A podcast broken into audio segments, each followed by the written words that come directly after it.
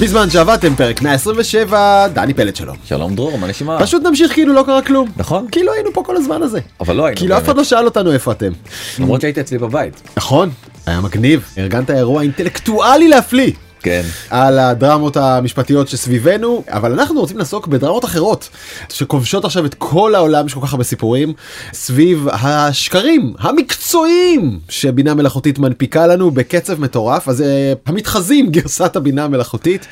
נדבר גם על ההתפתחות המדהימה בבינה מלאכותית בשבועות האלה, הרעיון שמעולם לא התקיים ולמה הוא הוביל, הלהיט הענק שמעולם לא הוקלט וכל העולם שומע אותו עכשיו, וננסה להבין איך ממשיכים מכאן כשהטכנולוגיה מאפשרת כל כך הרבה דברים טובים אבל גם דברים רעים. ותשמע, יצאנו לחופש. ונסענו קצת לטיול למשפחה ואני מניח שגם אתם ואני חוזר הביתה בסוף הפסח ובאמת פותח את המחשב ממש כמו בסרטים ואני קורא את הציוצים והזה ואני לא מבין על מה מדברים.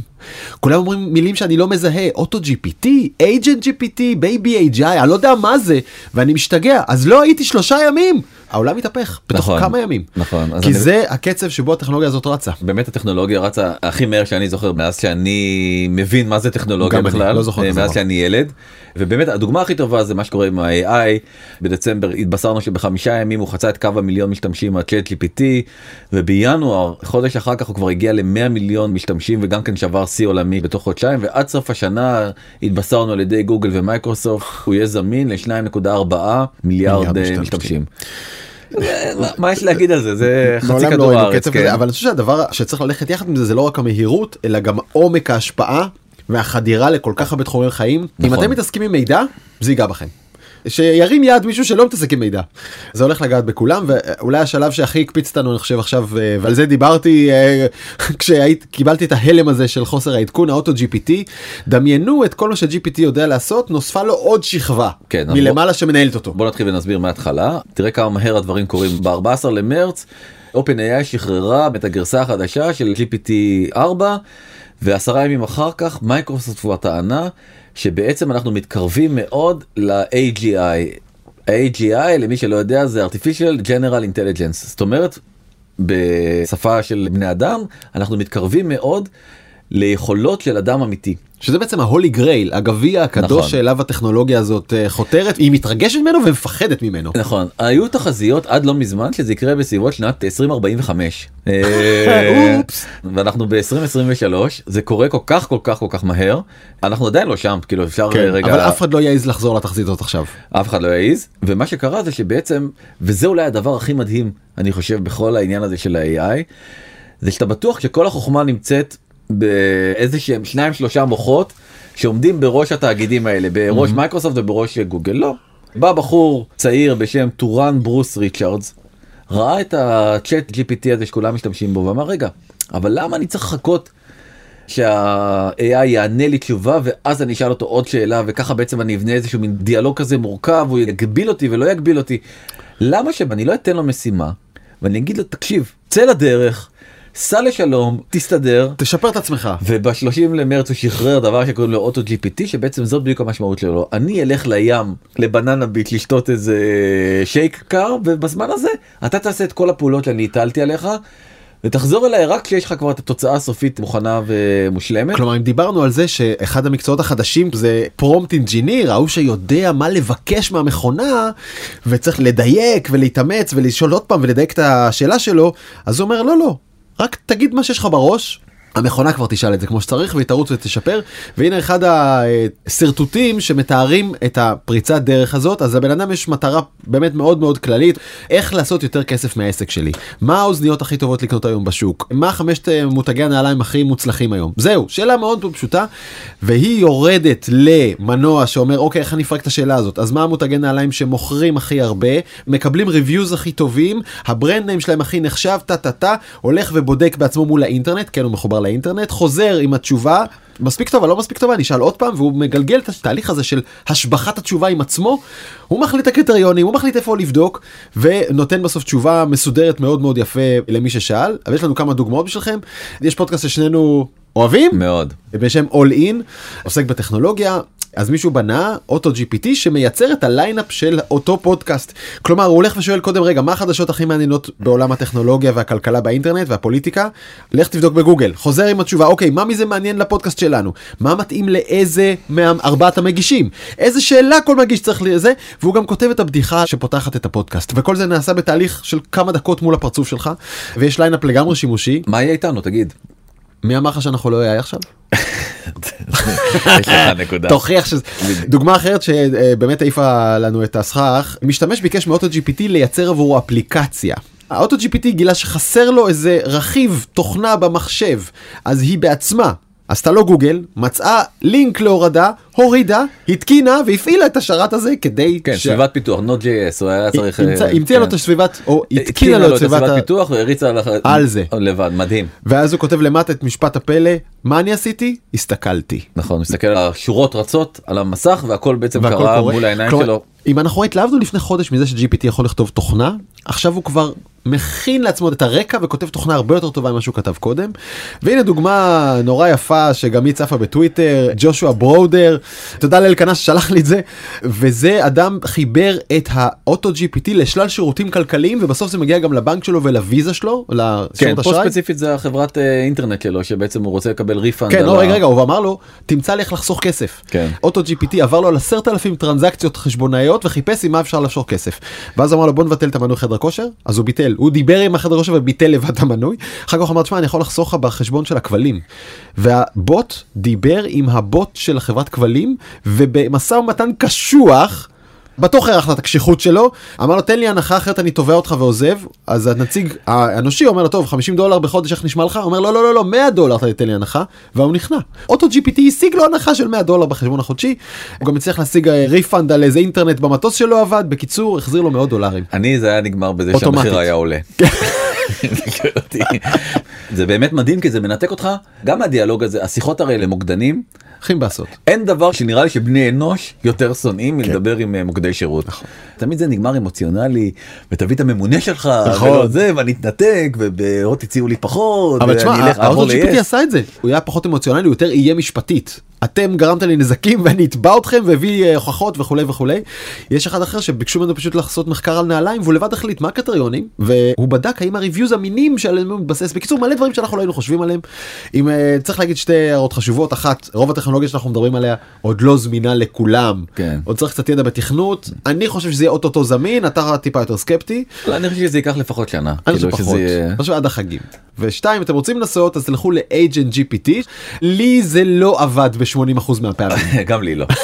והכנסתי את ה-API כן, וכל הדברים, אה, נו, כן. זה לא לא מספיק אה. טוב. אבל אוטוטו זה יהיה. כן, ראיתי דוגמה אבל מאוד מאוד יפה לאיפה שזה יגיע באמת בעוד, אה, אני חושב שנה, נגיד אתה רוצה לתכנן טיול לוורנה. היית פעם בוורנה? לא. היא נראית מאוד יפה בתמונה בתמונות. זה יפה. אתה בעצם יכול לייצר לעצמך איזשהו agent, איזשהו סוכן, במקרה הזה סוכן נסיעות, הוא ייכנס לכל האתרים, תגדילו לו את הפונקציית מטרה, נגיד אתה רוצה את הטיסה הכי זולה. ולא אכפת לך באיזה יום אתה יוצא ובאיזה יום אתה נכנס. אוקיי, או שאכפת לך ואז תגיד מה או אכפת לך. שאכפת לך ותגיד אני רק רוצה שעות נוחות. והוא כבר ימצא לך את הטיסה הכי טובה הוא יבדוק בכל השירותים פה ספציפית הוא בדק באקספידיה ומצא לך בדיוק את הטיסה שאתה רוצה הוא גם יכול להזמין לך אותה ואז הוא ייכנס ל-Airbnb בסרוויס אחר וימצא לך את השירותים האלה ואז הוא יעבור לטריפ אדוויזר וגם יזמין לך את המסעדות השוות או את האטרקציות ואתה יהיה לך טיול מדוגם בלי שאתה צריך לעשות כלום. עכשיו זה כל כך מתבקש שיקרה הדבר הזה זה כל כך הגיוני אנחנו עדיין לא שם אבל באמת רוב הפרק אנחנו רוצים לעסוק דווקא בעניין שהוא הרבה הרבה יותר בשל והוא איך אנשים לוקחים את הטכנולוגיה היותר בסיסית והזמינה. נראה שלל דוגמאות גם בטקסט וגם באודיו וגם קצת בווידאו ואיך בעצם עושים מניפולציות די מטרידות. בוא נגיד את זה ככה או כיפיות. או כיפיות נכון יש גם כיפיות אל תאמינו לאף אחד, אבל מעכשיו. גם- ממש סיכמת את זה מצוין אין לכם מה לשמוע את הפרק כי המסקנה גם.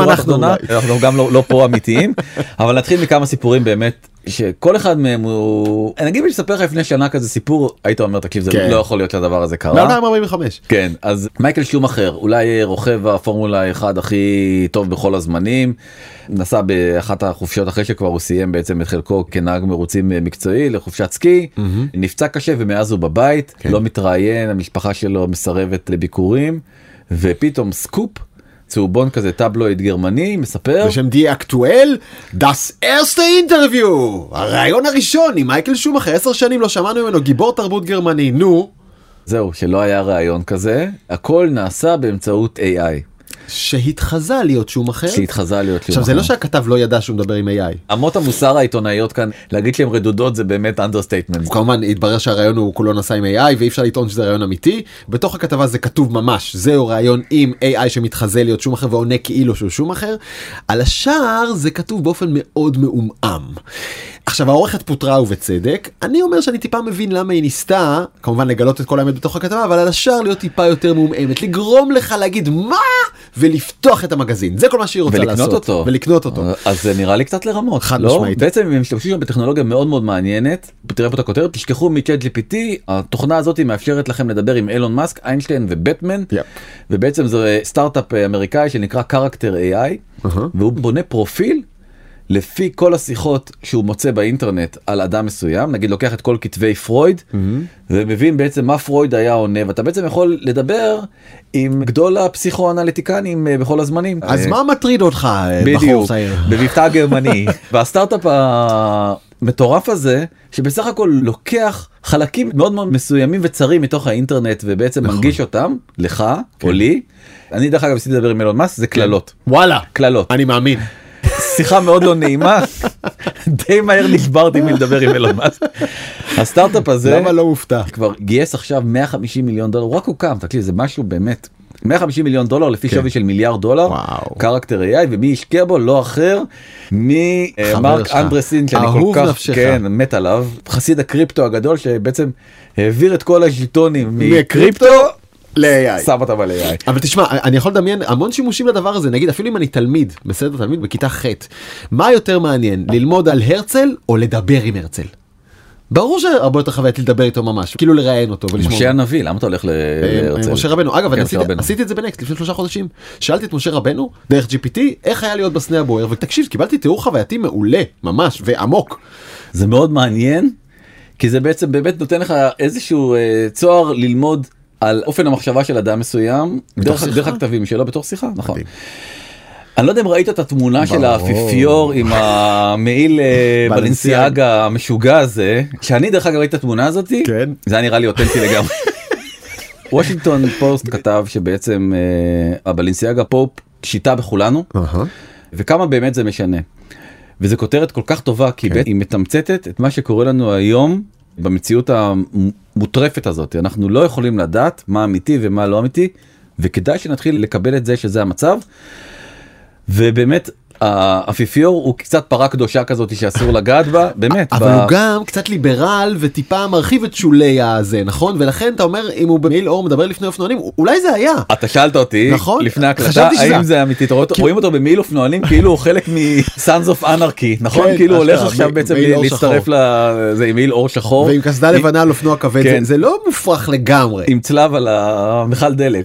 עכשיו התמונות האלה באמת יש בהם משהו שזה כל כך מתעתע בנו כי זה בעצם אנחנו מבינים שזה אבסורד אבל זה נראה כל כך אמיתי שבעצם למה שהוא לא ייסע לארלי דוידסון. זה נקודה מאוד חשובה מה שאמרת שהרבה פעמים גם אם המוח שלך רציונלית היה מסוגל להבין שיש כאן בעיה העיניים שלך משכנעות אותו. זה פשוט מתעתע ואתה רואים הרבה גם תמונות אה, פוליטיות וזה גם אולי כן. הסכנה התפרסמו תמונות של אה, פוטין בסרבל כתום של הצירים ואת אה, דונלד טראמפ מובל על ידי שוטרים למעצר ואפילו חברינו בחברת החדשות נפלו בפח. נראה קטע קצר מתוך כתבה ששודרה בשלוש עכשיו עם התמונות בצהריים. הדי משוגעות האלה שמגיעות אלינו מפלורידה, אחרי גשם, בפרק זמן קצר, הביאו להצפות במקומות שונים, בין היתר בחניון התת-קרקעי הזה, אז רואים שברגע אחד הפך להיות אה, אקווריום של מכוניות, אבל...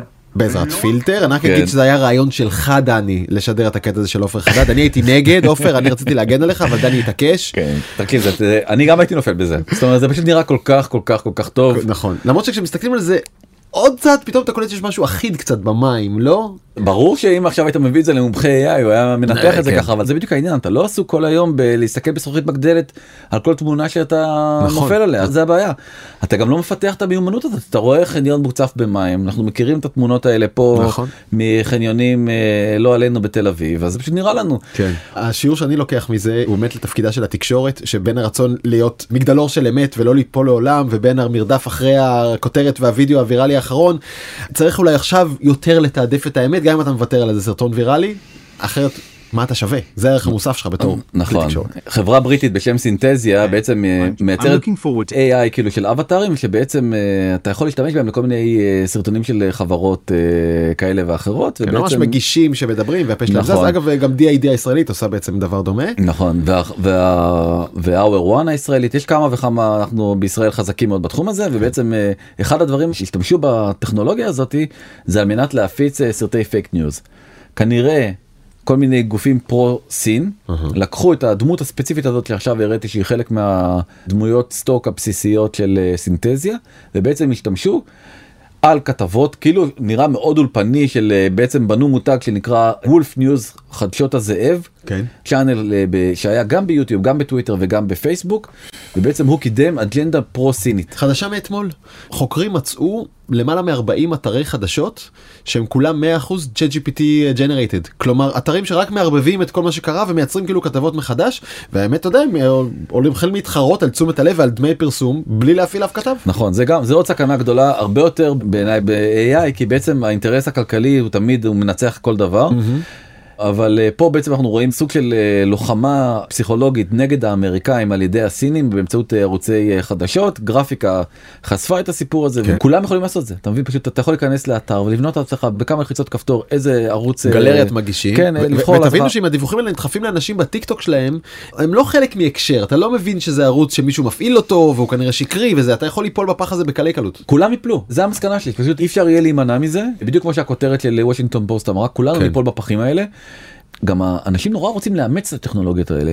פורסטר יצאו במחקר ואומרים עשרה אחוזים מהחברות בעולם השתמשו בטכנולוגיית AI כזאת של מגישים בווידאו על מנת אה, לקדם את המוצרים שלהם. השנה ב-2023. השנה זה נכון, העניין זה בדיוק. לא איזה תחזית למתישהו נכון, זה עכשיו. נכון, זו נקודה מאוד חשובה וזה רק ילך ויגדל וגם הסטארט-אפ הזה כבר שווה מיליארד דולר. סינתזיה. סינתזיה. למרות שכשאתה מסתכל על הפרצופים אתה עוד רואה שהם זזים קצת ברובוטיות יש שם משהו מלאכותי אבל נכון. וואלה עוד עדכון גרסה וחצי ולא נוכל להבדיל. זה חוזר חזרה למה שאמרת קודם על הפילטר הזה של חברת החדשות אתה לא כל היום רק עסוק בלנתח את הוידאו שאתה נכון. רואה. לרוב אתה כאילו רואה את זה באגביות על הדרך. שם ההשפעה הכי מסוכנת על נכון. התודעה שלנו באגביות. בדיוק.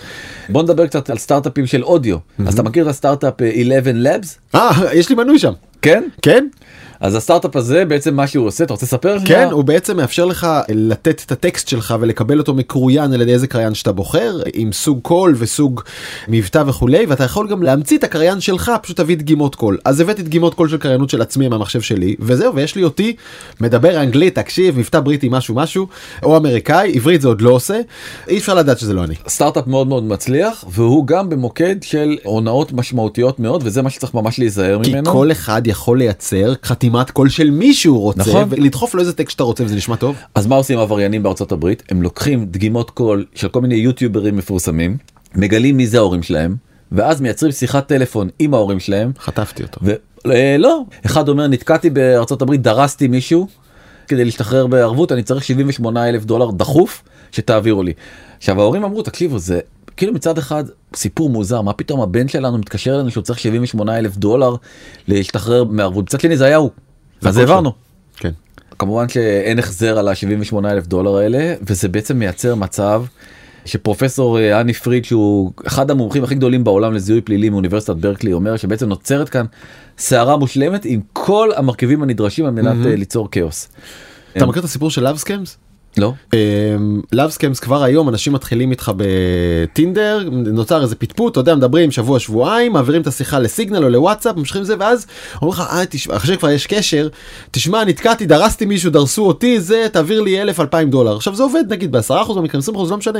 אתה יודע מה ההיקף הכלכלי של love scam בארצות הברית בשנה? 500 ומשהו מיליון דולר. כן. שאנשים מעבירים כסף זה עכשיו דמיין ש-AI יכול גם לייצר את האישיות שהכי גורמת לך להתאהב בו הוא גם שולח לך selfies של הדמויות שאתה הכי אוהב לראות הנה זה אני יש לי תחביבים ואני מדברת איתך ומתחילה איתך ומפלרטט איתך מיד אני ג'ורג' קלוני מה זאת אומרת ובעוד שלושה שבועות אני אבקש ממך כסף כי נתקעתי בצרה וכי אני AI אז אני עושה את זה לא למיליון איש בשנה אלא ל-200 מיליון איש בשנה לשלושה מיליארד אנשים בשנה. אנחנו בדרך לשם עוד שנייה אז עוד כן, שנייה זה אז, קורה. אז זה הולך לקרות וזה מה שצריך באמת כולם להיות מאוד מאוד ערניים על הסיפור הזה מאוד קל לעשות את זה. וואו. זה בדיוק אי אפשר העניין. להתחמק מזה אי אפשר אני לא מבין איך. יותר מדי קל זה כאילו החלק המבאס. בוא ניקח את האודיו שלב אחד קדימה למוזיקה אולי התחום שחוץ מלעשות פודקאסטים שנינו הכי אוהבים נראה לי. בעולם אז ראית את השיר של אה, עופרה חזה וזוהר ארגוב יאללה שים רגע. שהגיע עם קליפ יפה וככה כן. ורואים צילומים של זוהר ושל עופר מפעם. לוקחים את המיקרופונים אני שר אלייך כן אתן לך קיו ואת אה, תכנסי הנה תראי איך חלפו להם ככה שנים נכתבו כבר אלפי שירים זה כבר לא אותם הזמנים מה חשבת על השיר הזה? תשמע אה, אני מודה שהוא היה אה, הוא יותר יפה ממה שחששתי שהוא יהיה.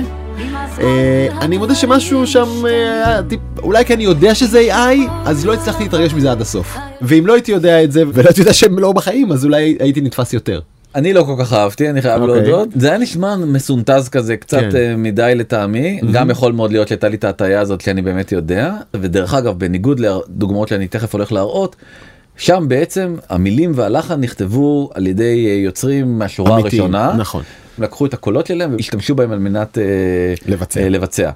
אבל העולם הולך למקומות ממש ממש ממש משוגעים. אני רוצה להתחיל להראות לך כמה דוגמאות. הדוגמה הראשונה שאני רוצה להראות לך זה דיוויד גואטה שהוא הדי.ג'יי הכי מפורסם אולי בעולם ובעצם הוא גילה. שהוא יכול באיזשהו אתר לקבל טקסטים של אמינם. זאת אומרת, הוא אמר מה המשפטים שאמינם היה? אומר עוד פעם דומה מאוד למה שהראינו על קרקטר AI בעצם בונה טקסטים שאמינם היה נותן לו לקח את הטקסטים האלה של אמינם למנוע אחר שדומה ל-11 labs ובעצם מייצר את הקול של אה, אמינם ואת זה הוא ניגן באיצטדיון לפני לא יודע נראה לי 50 אלף איש או לא יודע כמה עשרות אלפים אה, וזה נשמע ככה. I'm getting lost in an underground. This is the future rave sound. I'm getting lost in an underground.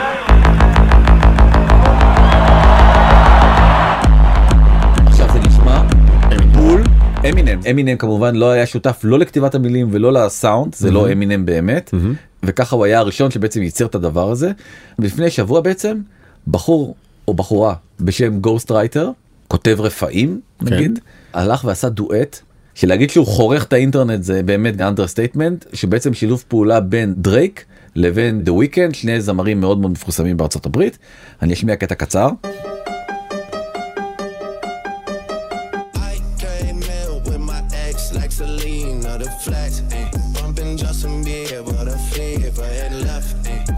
עכשיו. אחלה שיר. זה פשוט נשמע, א' זה שיר מעולה, אנחנו לא יודעים בדיוק איך, מה קרה שם, כמה AI וכמה לא AI בדיוק. בתוך הדבר הזה. חושב שזה אחד השירים הכי טובים ששמעתי, בטח של דרייק. גם אני זה השיר של דרייק שאני הכי אוהב. כן. הנה כותרת מהניו יורק טיימס בעצם הוא יוצר איזשהו טלטול. טלטול של תעשיית המוזיקה משמעותי מאוד כי בעצם לא צריך יותר לא את דרייק ולא את דה וויקנד ולא את כל המפיקים ולא את כל התעשייה המטורפת הזאתי. מישהו בצורה אנונימית יכול לעלות לסאונד קלאוד או לטיק טוק כמו שהבחור הזה העלה או העלתה את השיר הזה וזהו. כן. וייצר להיט עם עשרות מיליוני האזנות. אבל צריך אבל להודות שאלמלא חברת התקליטים ואלמלא דרייק וכל השנים אז דרייק לא היה דרייק כלומר מישהו בנה את הדרייק הזה כדי שכשאתה מקבל שיר חדש עם הקול שלו אתה תגיד וואלה מעניין לי. ברור, אם, אם לא. זה היה קול אנונימי היית אומר אוקיי נחמד. העניין שזה שנשמע כל כך כמו דרייק אז למי זה שייך? אז בדיוק למי זה שייך חברת התקליטים יוניברסל ביקשה להוריד את השיר הזה והשיר הזה אי אפשר כל הזמן מעלים אותו כי אנשים המעריצים- רוצים לשמוע. בדיוק אנשים רוצים לשמוע אבל בספוטיפיי נגיד ובאפל מיוזיק הוא ירד לגמרי וכרגע הוא לא עולה יותר כי שם בעצם יש פיקוח יותר אה, קשוח אבל ביוטיוב ובטיק טוק הוא כל פעם יורד ועולה יורד ועולה ויורד ועולה. וזה בדיוק הכותרת של אה, NPR היא, היא מייצגת את מה שלדעתי הרבה מאוד אנשים ירגישו בזמן הקרובים מה קורה כשאתה מגלה שבעצם השיר שאתה הכי אוהב AI ייצר אותו. זה לא היוצרים שחשבת שבעצם עומדים אה, מאחוריו. זה מאוד מאוד מאוד מעניין זה מייצר פתח לאין ספור שאלות של זכויות יוצרים. באיזה קטע כאילו יוניברסל מורידה את השיר הזה הרי זה לא דרייק. בדיוק זה גם מייצר שאלה האם זה בכלל זכויות יוצרים כי זכויות יוצרים חלות על הטקסט שמישהו כתב ועל המנגינה שמישהו כתב וכאן אין לא את זה ולא את זה ובזכויות יוצרים עצמם בחוק עצמו לא כתוב שיש לך זכויות יוצרים על הקול של עצמך כי אף אחד לא דמיין שתבוא האופציה שיכול לסמפל אותך. יכול להיות שברמה המשפטית יותר נכון ללכת לדבר על brand name על המותג שלך כי הכל הוא חלק מהמותג שלך ואם מישהו משתמש בו בלי לשלם אז יש כאן בעיה. אבל אתה יודע אפשר גם לשאול את זה אחרת ותכף אנחנו ניגע בזה מי אמר שאתה צריך לתבוע אותם אולי תשתף איתם פעולה נכון. יש כאן שיר שאנשים אוהבים לשמוע מה אתה רודף אחריהם מזכיר לי את מטאליקה רודפת אחרי מעריציה שמורידים את השירים של מטאליקה מנאפסטר. אממה לפני 20 שנה כשזה היה נאפסטר 25 רוב ההכנסות של מטאליקה היו מאלבומים וזה אשכרה דפק לה את ההכנסות. היום הם כבר לא מכניסים מאלבומים ממילא הם מכניסים מהופעות. אם זה שולח עוד אנשים להופעה שלך תבצע את השיר בהופעה אל תרוץ אחריהם תגיד אחלה אני מחבק את זה גם זאת אסטרטגיה עסקית אולי יותר אני- הגיונית. אני הרבה יותר הגיונית בעיניי ותכף גם ניגע בזה. בינתיים הגוסט רייטר הזה לא עוצר לפני ארבעה ימים הוא שיגר עוד להיט משוגע שהוא שיתוף פעולה בין באד באני שהוא איזה ראפר אה, אמריקאי לריאנה. מעולה ברמות אחרות. רגע, נחכה לשמוע את ריאנה. הנה היא מגיעה.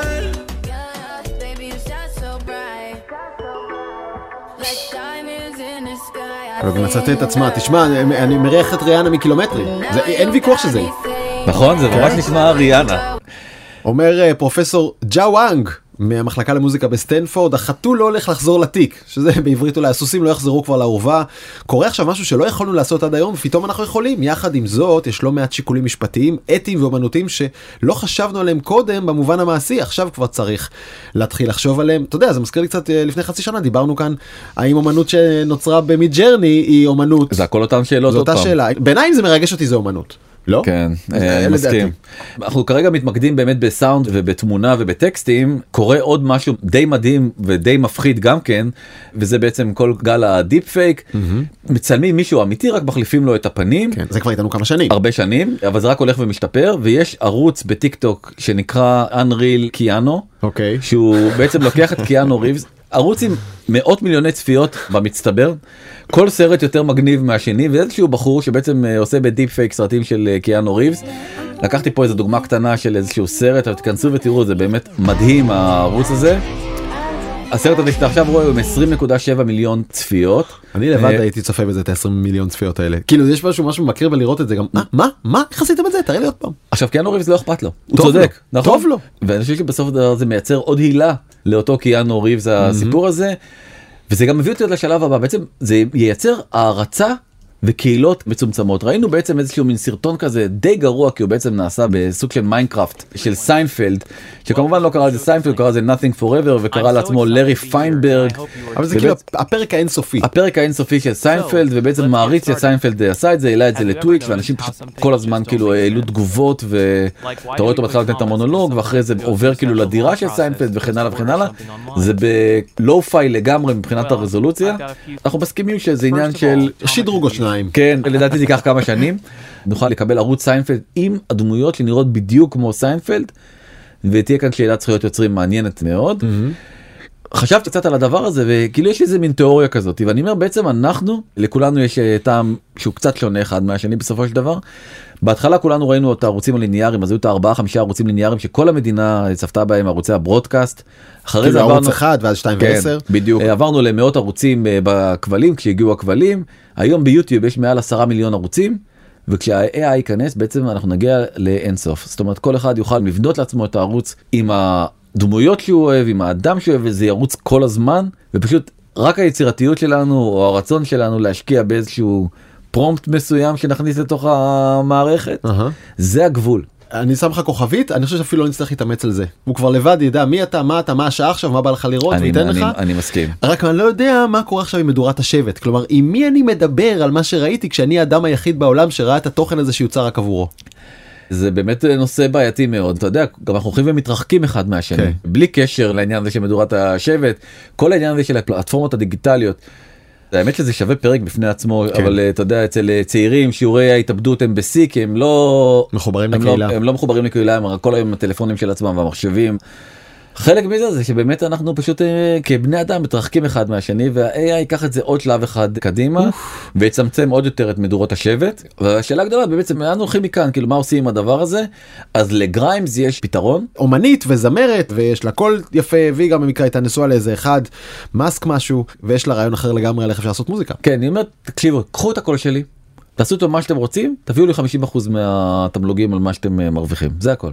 מדהים. שזה רעיון מאוד הגיוני דרך אגב הרעיון הזה זה לא רעיון אה, מקורי שלה יש ביפן קוראים לזה אצון מיקו שהיא מין דמות מנגה כזאת של אה, ילדה מוזרה.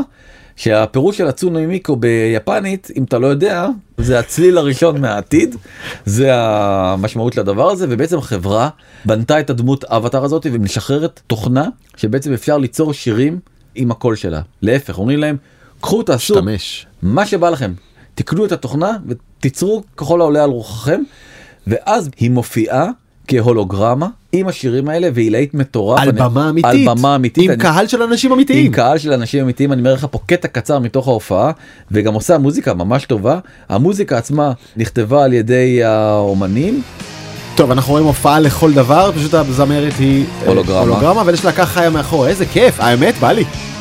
גם אחלה מוזיקה. כן אני אוהב את זה. לא יודע זה רוק אנד רול זה טוב. האמת מצחיק. תשמע, אני לא אתפלא אם עוד השנה האמת, ה Grimes או אנשים אחרים ייקחו את הטובים שבשירים שכתבו להם ויקליטו את זה בעצמם וישחררו את זה בעצמם. נכון? כאילו זה סוג של אינטראקציה חדשה עם הקהל שלך, תכתבו לי שירים, תקליטו אותי, ואם זה טוב, ניתן לזה את כל אני הבמה. לגמרי חושב שתראה בסוף המציאות תחייב אותנו ללכת למקום הזה ולא תהיה להם ברירה אחרת. ג'ון לנון אני חושב שהיה די מבסוט אה, היום אם הוא היה איתנו מכל ההתקדמות הזאת כי עוד אז הוא אמר שמוזיקה היא נחלת הכלל רק חברות תקליטים חושבות שהן הבעלים שלה של המוזיקה אבל צריך לשחרר אותה לאנשים. זה אמר ג'ון לנון מזמן בא לי להגיד לך, אני מניח שהוא אמר את זה אחרי שכבר היה לו מספיק כסף בכיס. גם לדרייק לא חסר. ועדיין כאילו.